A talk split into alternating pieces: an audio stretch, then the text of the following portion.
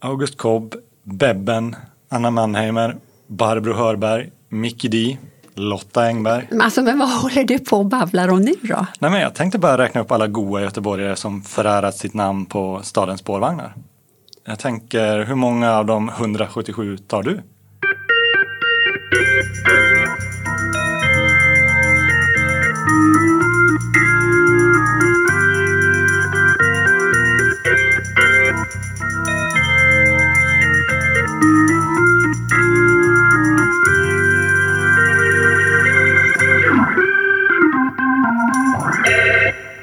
Jag tar nog ändå ett par i alla fall. Senast var det ju Sissela Kyle som blev årets kulturpristagare. Det är ju någon sorts kvalitetsmärkning av riktiga göteborgare det här. Men vad ska vi egentligen prata om idag då? Vadå, är inte det uppenbart? Eh, spårvagnar såklart. Såklart. Jag heter Ylva. Och jag heter Christian. Då rullar vi ut från hållplatsen. Jag hoppas att ingen har satt sig på ett blött säte. Usch, det där är verkligen ingen höjdare. Men det händer ju ibland. Det tog ju ett tag i högen av poddämnen men nu ska vi alltså prata om detta urgöteborgska kulturarv som idag känns ju lika viktigt för identiteten som alla de där namnen du börjar med att rabbla upp. Mm. Alltså det är ju någonting med att i Göteborg så sätter vi inte stjärnor i markbeläggningen eller en park. Här hyllar vi våra stora genom att trycka deras namn på en blå plåtlimpa på väg mot Tynnered eller Saltholmen. Och sen 1996 så sker ju detta genom tillkännagivandet av årets kulturpristagare. Mm. Och det är lite mysigt får man säga när Marianne Mörk eller någon annan rullar förbi när man står och kurar i väntan på att rätt färg och nummer ska synas vid hållplatsen. Ja, jag tycker det är mysigt med spårvagnar i största allmänhet. Men det är fascinerande hur de har blivit en del av berättelsen om Göteborg. Alltså på samma sätt som Londons röda dubbeldäckare eller New Yorks gula taxibilar. Men vi är ju varken ensamma om detta eller först. Ja, men det här är ju petitesser får jag säga. Det pratar vi inte om. Men visst är våra blå bussar, de är ju alls inte lika uppmärksammade. Trots att jag tänker att lika många göteborgare åker med dem varje dag. Eller avbildade. Mm. Eller hur? Inredningsmarknaden fullkomligt svämmar ju över utav snygga prints av spårvagnar i motljus och hänga på väggen. Alltså spårvagnar och handkranar det dominerar ju när Göteborg ska kommuniceras. Mm. Men det kan ju inte bara vara varumärkesbyggande och identitetsskapande. Jag tänker, hur är tempen på spårvägen som transportmedel och del av stadsutvecklingen? Ja, men är den inte ganska hög? Alltså både i Göteborg och på andra håll. I Lund till exempel så rullar ju nya spårvagnsspår ut över den här 10 plus-jorden sedan några år tillbaka. Och runt om ska ju staden senare växa fram. Det är ju lite komplicerat när de bygger sådär på jordbruksmarken. Alltså, det är svårt att försvara. Men man kan säga spårvagnen som kollektivlösning, den växer ju även utomlands. Vi pratar ju om en internationell comeback. Vad spännande! Men vi får nog göra som vi ofta gör i den här podden och backa bandet lite. Och var börjar vi? New York. Såklart. För som så många annat är det här den första vagnen rullar ut 1832. Eller dras av en häst om man ska vara tydlig. Just det, för det kommer ju dröja rätt länge innan hästarna ersätts av eldrivna ekipage. Men är Göteborg då hack i häl på jänkarna och kör igång direkt efteråt? Alltså propagandan är det i alla fall. Men det kommer dröja ända till 1879 innan den första hästen trampar ut längs göteborgska spår.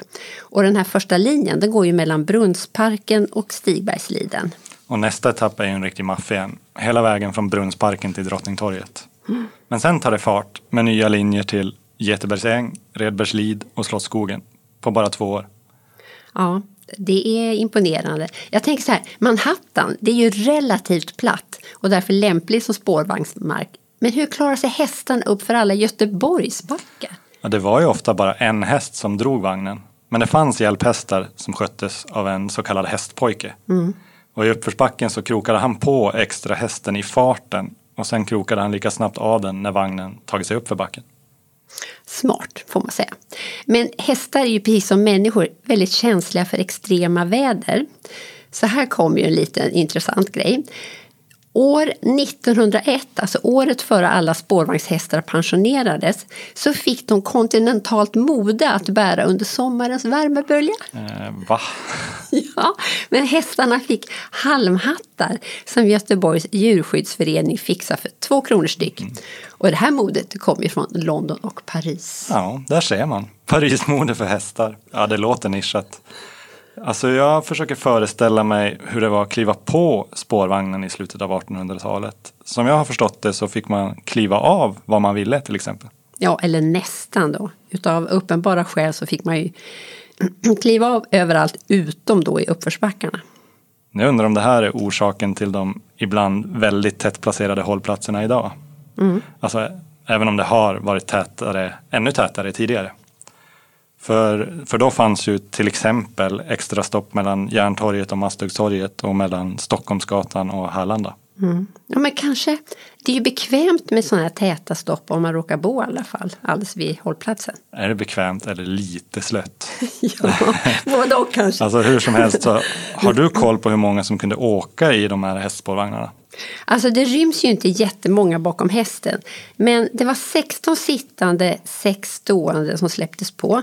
Och sen så var det ju också kusken då, eller föraren. Och så fanns det ju också en konduktör. Mhm. Men då måste det ha funnits ett biljettsystem också. Ja men såklart. Det gjorde det redan från början 1879. Och då var det bara en enkel papperslapp som man fick när man klev på då. Och sen har det ju funnits en hel uppsjö utav olika biljetttyper. Bland annat en där man fick rita in på kartan var man önskade byta linje. Så omständligt. Ja, men den togs faktiskt bort. Och eh, 1967 då fick man själv börja stämpla sina biljetter och sex år senare så kom ju zontaxa. Nu har vi redan smugit förbi den här eran med spårvagnshästarna. Men innan vi lämnar dem kanske vi ska säga något om hur kuskarna hade det på jobbet. Ja, men det här jobbet var ju verkligen inte någon lek kan man säga i Göteborg, särskilt på vinterhalvåret.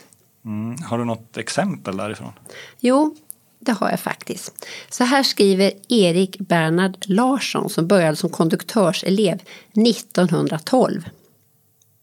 Det var hemskt att vara förare under vintern. Men vi hade päls, en tjock vinterkappa och utanpå det en regnrock. Pälsmössa och kraftiga stövlar hörde till. Men när det blev allt för kallt då fick vi smörja in ansiktet med fett så att vi inte skulle få frostskador. Alltså den arbetssituationen låter ju långt ifrån ett drömscenario. Men det här måste väl ha lett till protester? Jo då, det gjorde det faktiskt. Men så här svarade direktör då Erland Sell när personalen demonstrerade utanför hans huvudkontor om bättre villkor. Jag vill inte ha mitt folk i glasskåp. Intressant. alltså, jag tänker att tiden skulle inte precis ge honom rätt med tanke på hur spårvagnsförarna sitter idag. Nej, och tack och lov finns det både värme installerat i dagens vagnar och förarna slipper också sitta med något flott i ansiktet.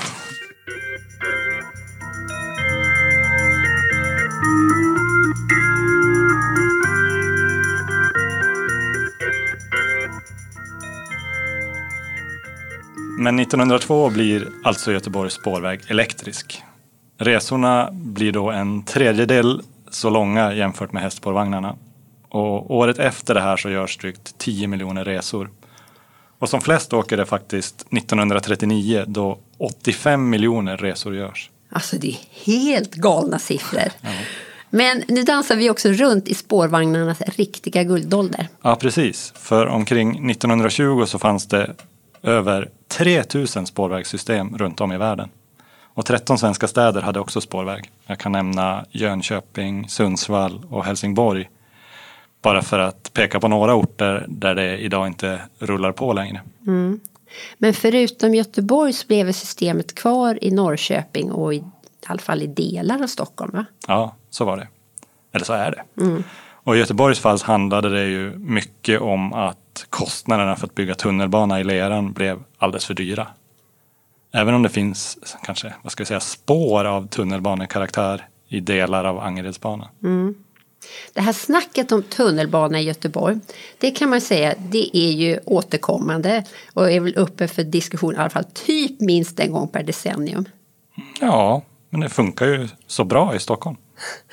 Men i efterkrigstidens Göteborg, då var spårvägen en viktig faktor för den stora visionen som fanns då i samhällsutvecklingen. Så är det. Eh, det har ju funnits massor med olika planer. Bland annat spår till både Partille och ut till Volvo Torslanda. Mm, storslagna visioner, vad blev de av? Så är det. Men också så finns det ju en påbörjad tunnel upp mot Rannebergen som skulle vara en förlängning av linjerna ut till Angered. Men där får man fortfarande ta bussen. Mm.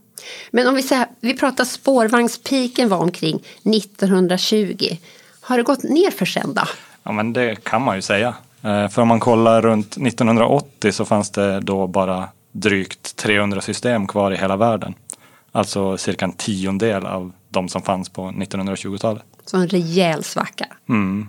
Men efter 1980 så vänder det och flera städer i både USA och Europa får nya spår. Och det här var ju samtidigt som man började inse att bilen kanske inte var svaret på alla livets frågor.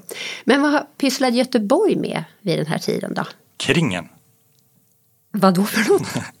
Kollektivtrafikringen. Det var ett projekt som startade 1998 för bland annat en ringled runt Göteborg. Mm. Och då fick vi Chalmerstunneln, spår i Skånegatan och en del annat. De delarna känns ju väldigt naturliga då, fastän de är så pass nya. Ja, och här tänker jag lite att det här är en del av ett Är du göteborgare-test. Okay. För kommer du ihåg när ett nummer, alltså en spårvagnslinje, gick någon annanstans än det gör idag, då är det pluspoäng. Ja, men det gör jag. Elvan säger jag och fyran. wow, grattis! ja, men idag då? Känns det inte som det bubblar lite kring spårvagnar igen? Visst är det nytt i pipeline? Ja, och mest spännande tycker jag det är när de plockar upp några av de här visionerna från efterkrigstiden. Och är det något särskilt projekt du tänker på nu då? Ja, jag tänker på spårväg till Backa som nu i alla fall ska byggas i en första etapp ut till Brunnsbo. Mm. Och jag tänker på de här planerna på spår söderut från Marknadsgatan genom det som idag är Högsbo industriområde. Och så den där tunneln under älven vid Stigbergstorget. Ja, mycket på gång. Och det är ju viktigt i planeringen av framtidens stad. Alltså för de flesta tycker ju det är bra med hyfsat nära till närmsta hållplats. Ja, för det här fraktandet utav oss själva, vardagens matkassar och barnvagnar. Man kan säga att det lär ju inte minska i framtiden och då krävs ju liksom en robust spårvagnsnät. Jag undrar bara om färgerna kommer räcka så att man ser vad det är för vagn som kommer innan man kan läsa siffran. Alltså, med all respekt, men det känns som en ganska liten fråga i sammanhanget. Vi kanske får föreslå prickiga skyltar då eller något annat kul mönster. Just det, Huntans mönstrade spårvagn 15 mot Backa. Där har vi något. Men jag tycker vi inte riktigt har benat ut varför Göteborgs spårvagnar har blivit något mer än ett transportmedel. Alltså jag tänker att det är så många olika saker. Ja, men som vad? Att de är spårbundna gör dem ju pålitliga. Alltså bussar kan ju byta rutt, men det är lite krångligare för spårvagnar. Absolut. Och sen är ju Göteborg den största staden i Sverige som har kvar dem som kollektivtrafikets egentliga ryggrad. Och att det då är något som kanske särskiljer oss från till exempel huvudstaden eller Malmö. Mm, det stämmer ju. Sen är, ju betydligt, är de ju betydligt synligare stadsbilden än vad tunnelbanan är. Alltså en sån här lång blå skalbagge som sätter liksom ett lite mer chill tempo. Och man slipper också gå vilse under jorden. ja. Vill man åt andra hållet, då går man bara till hållplatsen på andra sidan gatan. Helt sant. Och så är de ju också perfekt, ett perfekt sätt att se våran stad. Jag tänker alldeles lagom tempo i perfekt spannivå där man sitter. Mm. Är det inte därför man kanske kan läsa om den här nyinflyttade göteborgaren, nu är han inte så nyinflyttad men ändå, Horace Engdahl som spenderar dagarna med att åka spårvagnslinje efter linje för att lära känna nya platser i staden? Alltså det är ingen dum idé. Men jag läste också att han tyckte att det var ont om fikamöjligheter i många av våra förorter. Mm, men där har vi väl en utvecklingspotential för Göteborg Company. En paketresa, spårvagnstur och fika. Är det inte nästa stora turistsatsning? Alltså jag säger inte emot. Men innan vi ger oss för idag så vill jag gärna hålla en liten minnesstund över en gammal trotjänare. Okej, okay, låter sorgligt. Berätta. Nej men spårvagnsmodellen M28. Mm. Den sista stod alltså ur trafik eh, förra året. Och de köptes in inför omläggningen till högertrafik och rullade på våra gator i alla väder i mer än 50 år. Jag tycker inte att detta har högtidlighållits nog. Okej. Men var det de här som var så fina med så här välvt innertak och så hade de rader med nakna glödlampor i taket? Exakt de. Mm. Alltså jag älskar att titta ut genom det där välvda bakfönstret och se staden sträcka ut sig på väg hem. Mm, fint. Ja, men då får vi säga tack till dem då för lång, trogen och snygg tjänst till M28. Men det har ju också kommit en hel radda nya spårvagnar. Det är också spännande. Jag är inte riktigt vant med än, men det kanske kommer. Man kan säga att de är i alla fall mycket bättre om man vill komma ombord med en barnvagn eller rullstol. Ja, det håller jag med om. Och tillgänglighet är ju grundläggande på spårvagnar. Precis. Eh, då tycker jag vi avslutar med det och säger hej då. Ja, men det gör vi. Vi säger vi ses på vagnen.